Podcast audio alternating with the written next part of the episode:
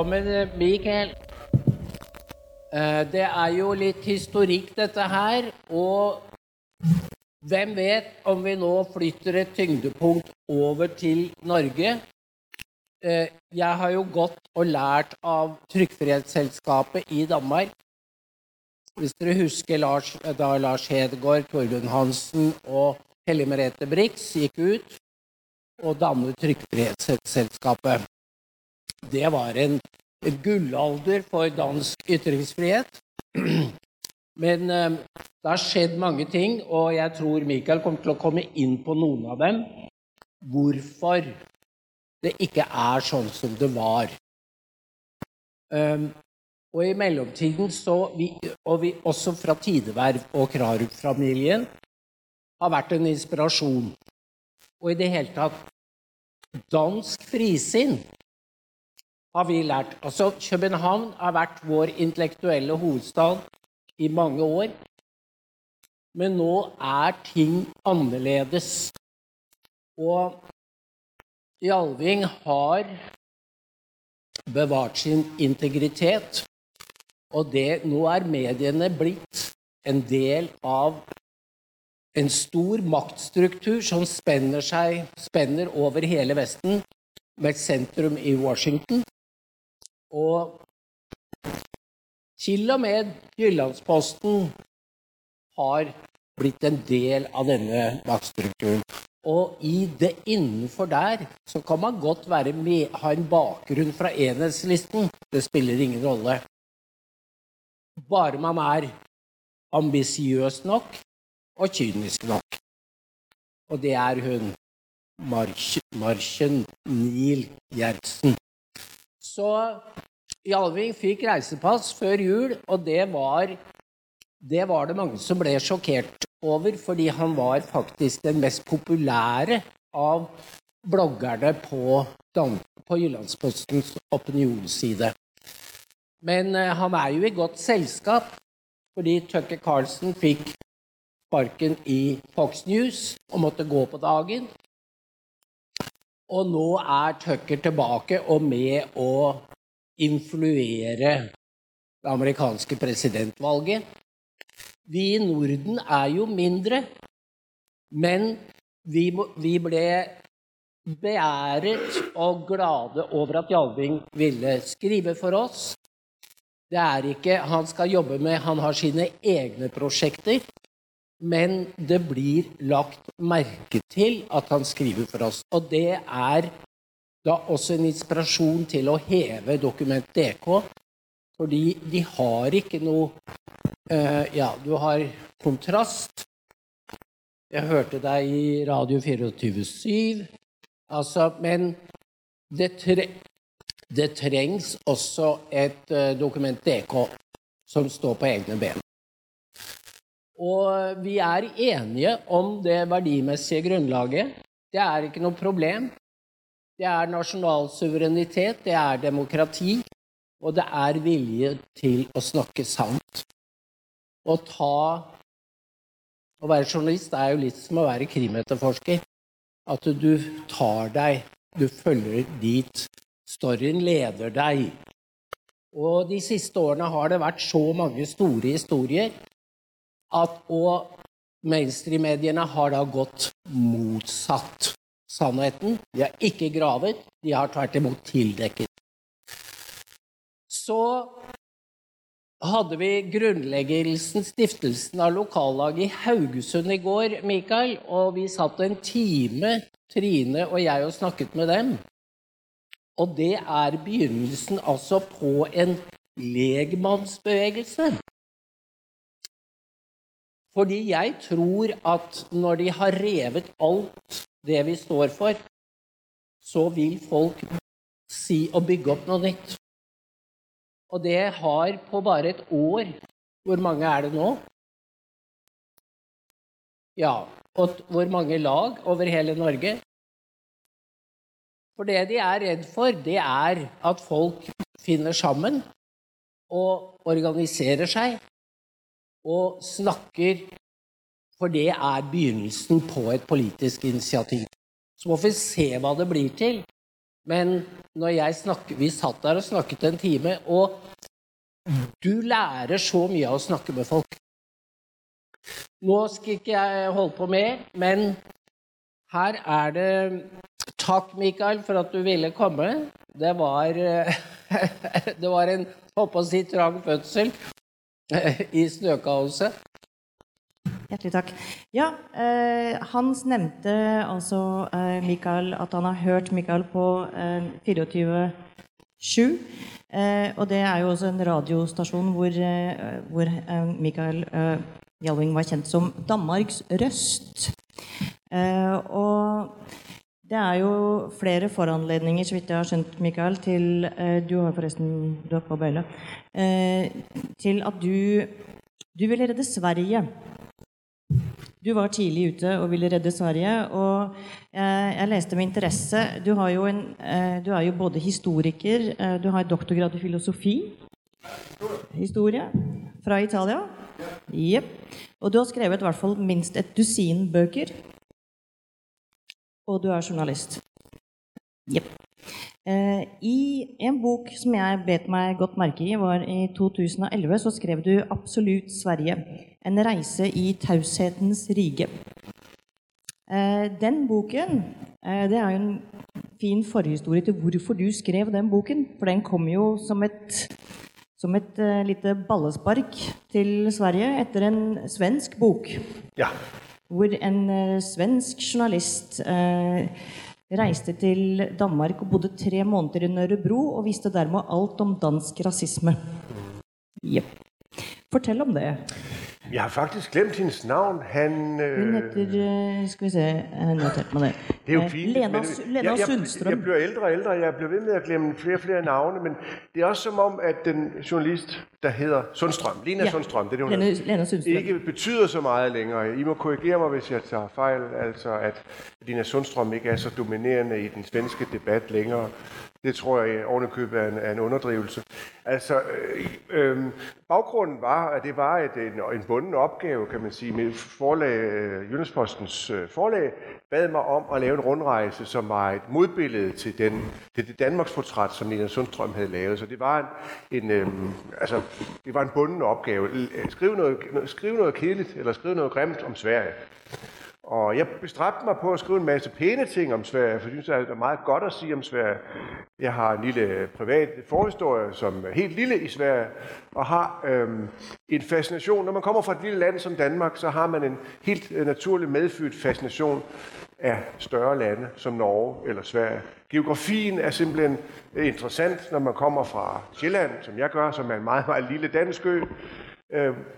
Så det der med Sverige var øh, en, bunden opgave, jeg skulle skrive. Det var en, det var en kærlig historie, men det var også en, en kritisk historie. Øh, og, og det gik der en hel masse tid med, og den var sjov at lave, og det lykkedes mig at øh, få fat på nogle kilder, som ikke øh, betød så meget i det svenske debat- og kulturlandskab, men som godt ville tale med mig og også give deres øh, mening til kende øh, for et åbent mikrofon. Så det var, det var, det var en bunden opgave, men der var, der var også gode ting ved Sverige. Øh, og det håber jeg, at den, der har læst bogen, eller vil læse den, kan finde. Jeg har ikke læst den. Jeg, tror, jeg vil læse den. Eh, fordi altså, tausheten, eh, altså svensk eh, konformitet, eh, dette med at ingen skal stikke seg ut, ingen skal si noe negativt, ingen skal peke seg ut, det er jo, veldig, det er jo en del av den svenske kulturen som verken nordmenn eller dansker har. Eh, og det var kanskje det som har gjort at Sverige har endt opp der hvor de er nå. Eh, og Lena Sundstrøm var engstelig for at Sverige skulle bli som Danmark. Men det har vel egentlig gått andre veien, Mikael? Ja, det har det. Og det er gået langsomt. Jeg synes også, det er gået for langsomt. Men der er jo ikke noen tvivl om, at den svenske offentlighet er et annet sted, øh, end den var for 10-12 år siden. Det er øh, gået meget stærkere, end Socialdemokraterne frygtede, det ville gå, og Lena Sundstrøm var jo en af dem. Øh, så de, har nok, de føler sig nok skuffede, ved at tro, i, i, i, i folkehemmet over, at Sverigedemokraterne og andre kritiske røster er lykkedes med at, øh, at stille spørgsmål til det svenske eksperiment. For det er virkelig et eksperiment, et socialt eksperiment, at man i et af Europas allermest homogene, kulturelt, etnisk, politisk, økonomisk homogene samfund pludselig øh, har forsøgt at bestræbe sig på at gøre præcis det modsatte. Altså få så mange etniciteter ind i landet, så mange kulturer, så mange klaner, så mange forskelle, så, mange, så meget eksotisk krydderi ind i landet på kortest mulig tid, og så se, hvad der skete. Og vi ved godt, hvad der skete. Og der var nogen, der advarede mod det i tide. Og det er ikke mig. Det er nogle af de svenske røster, som jeg interviewer i bogen. Øh, så øh, det er på sin vis en, øh, en sørgelig historie, men historien slutter jo aldrig. Altså, det er jo kun marxister, der tror på, at historien slutter med et stort brag, og så er alt enten rigtig dårligt eller rigtig godt. Historien fortsætter, og Sverige fortsætter også, og Norge fortsætter, Danmark fortsætter. Til trods for alt, hvad der bliver sagt i aften, så fortsætter det. Og vores børn kommer til at føre nogle af de her ting videre på godt og ondt. Og det er, det rummer jo en kim af noget opløftende, og jeg synes, det, der sker i Sverige, trods alt er opløftende. Der er mere realisme på vej. Så kan man diskutere, om det er for sent. Det er der jo folk, der mener, at det er, at skaden er sket, den er uoprettelig. Nu venter der en eller anden form for kataklysme, en eller anden form for, for etnisk opstand, øh, øh, borgerkrig i mangel af bedre ord. Øh, den er måske ikke så intensiv og så storladen som, øh, som andre borgerkrig, den engelske borgerkrig, eller, eller hvor det nu kan være. Men der er kim til den. Den er molekylær, den findes øh, overalt, øh, og, og der er noget, som venter, en historie, der venter på at blive beskrevet, og det bliver ikke os, der skriver den, det bliver vores børn. Ja, Vår egen Helena Edlund hun, hun har jo den oppfatning at, at løpet er kjørt for Sverige, at det er for sent. Mm. At de ikke vil greie å rette opp den skaden, eh, det eksperimentet som er gjort. Eh, men du, du Mikael, som sagt, du vil, jo, vil jo redde svenskene fra seg selv. Og nå blir du Danmarks røst, og nå må du redde Danmark. Og det må du gjøre da via oss ja, i Norge. Ja, og jeg er takknemlig for, at det er, er kommet dertil, at jeg skal skrive for et norsk og nordisk publikum. Jeg vil skynde meg å si takk til alle jer, der er kommet her i dag og har trosset snemasserne. Jeg synes, det er ret øh, heroisk, er I mødt frem.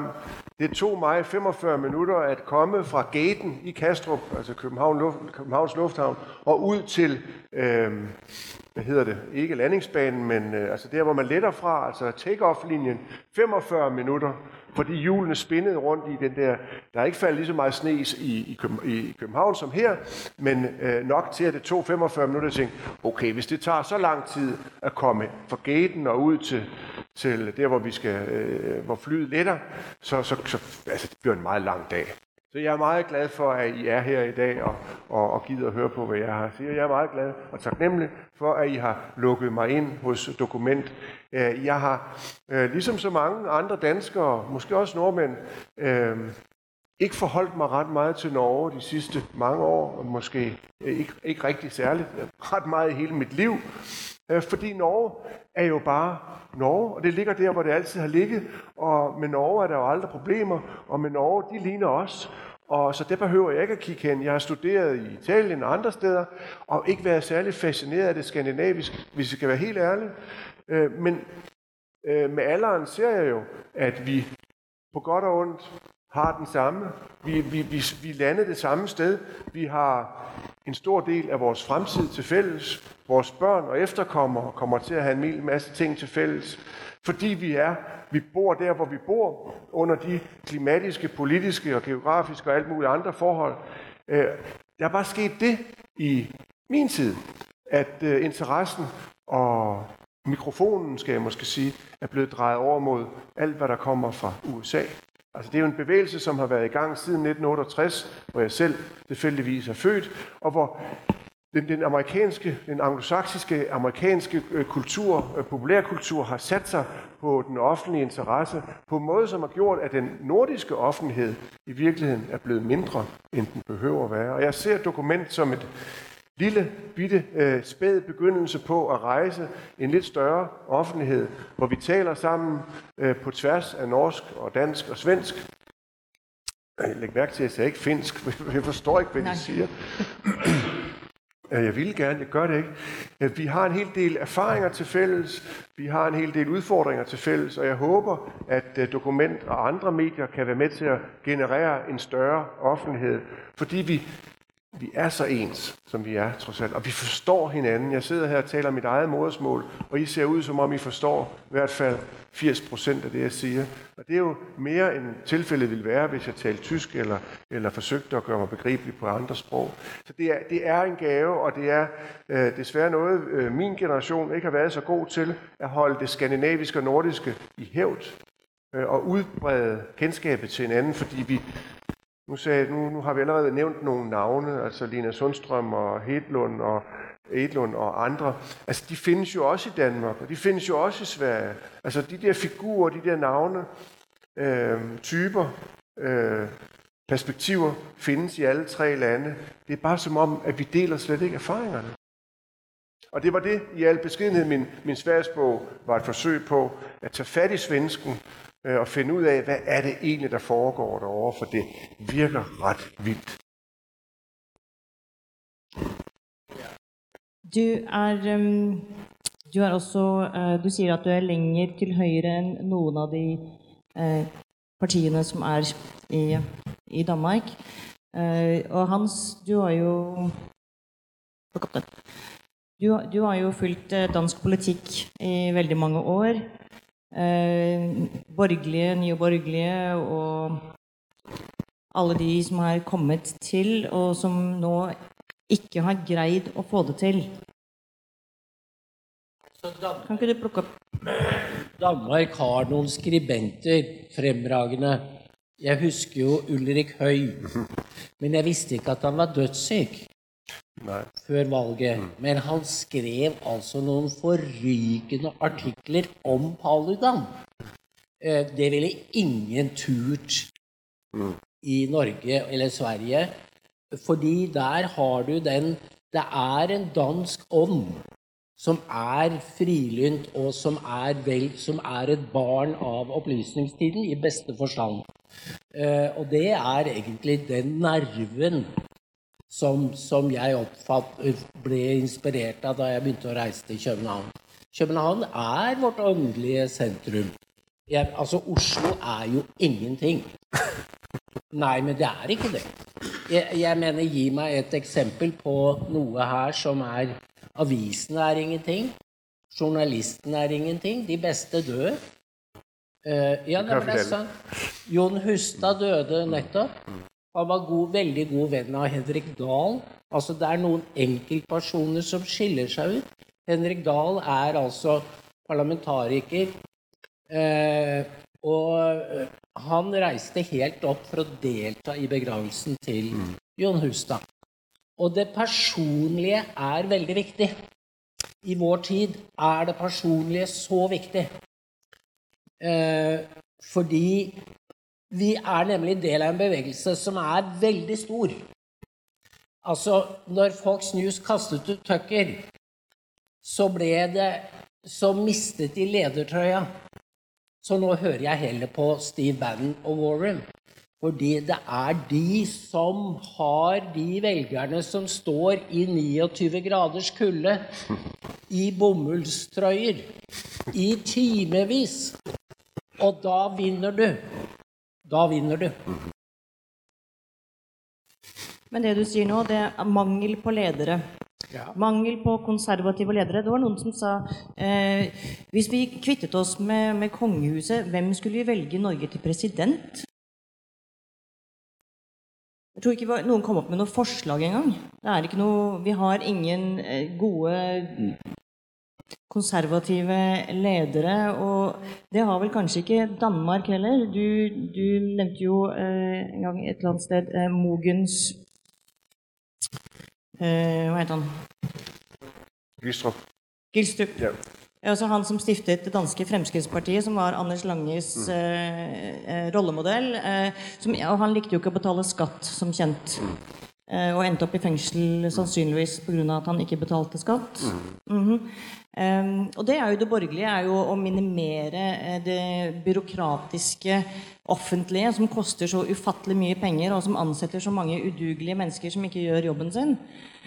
Um, det borgerlige ligger jo i det å ha en mindre stat. Uh, og da, man, da, får man jo også selvfølgelig mindre skatt, uh, fordi folk må greie seg jo litt mer på egen hånd.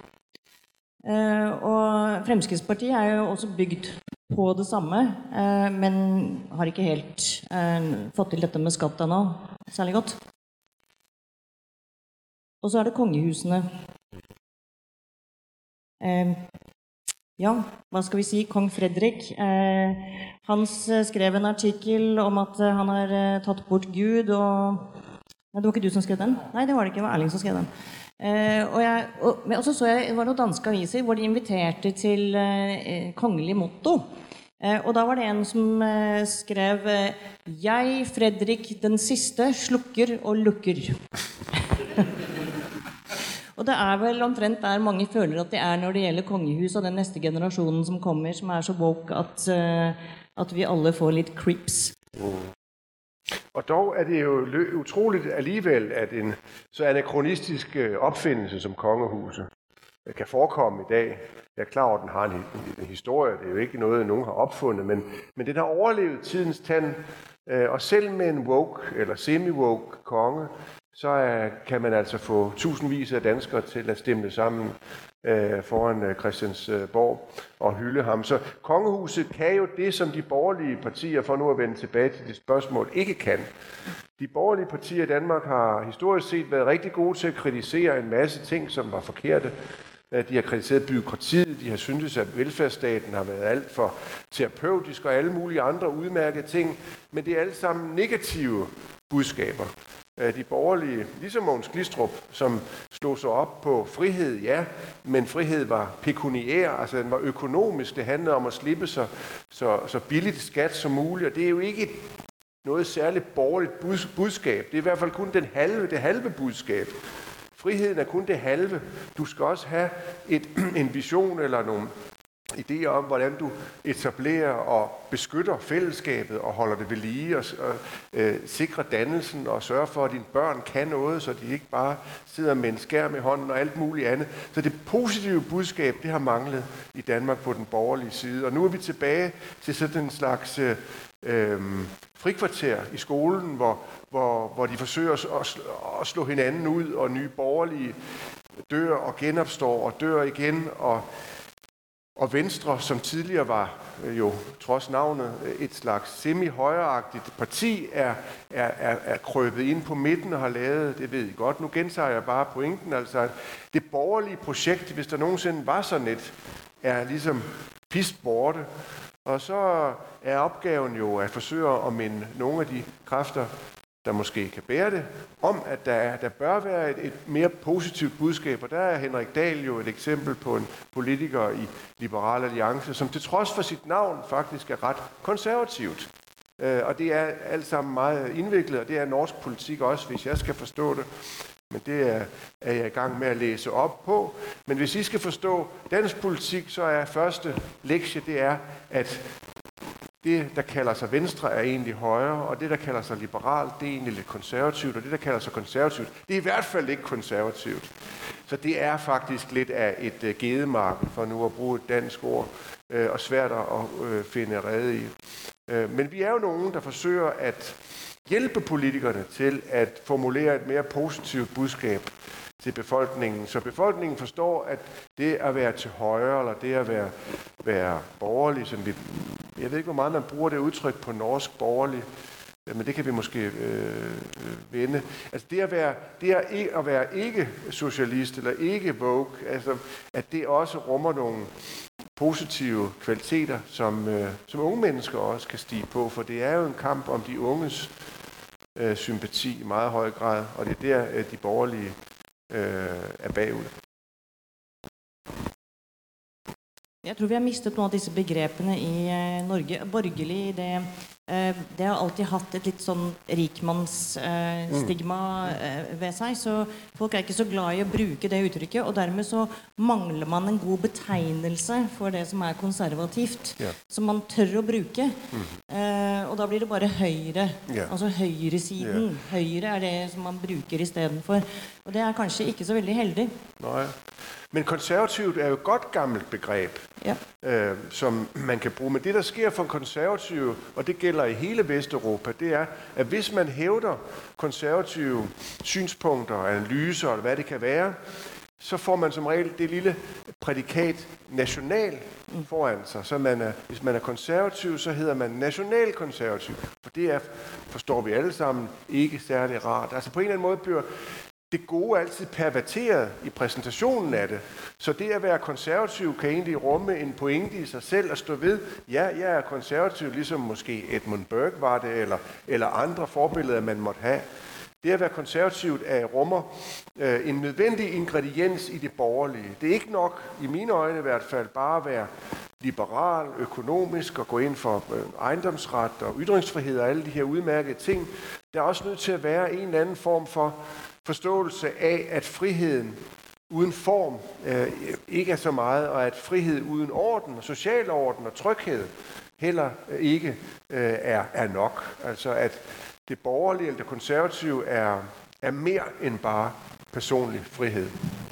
Men også der så er det jo, når du sier trygghet og frihet eh, Nå er vi jo kommet til det punktet hvor, eh, hvor vi må være villige til å ofre vår frihet for å få trygghet. Eh, og, og der skulle vi jo aldri ha vært. Og, det, og der har vi jo eh, endringer, demografiendringer selvfølgelig, som, eh, som spiller inn. Eh, Hans, har du noe mer du ønsker å spørre Mikael om før vi overlater scenen til han?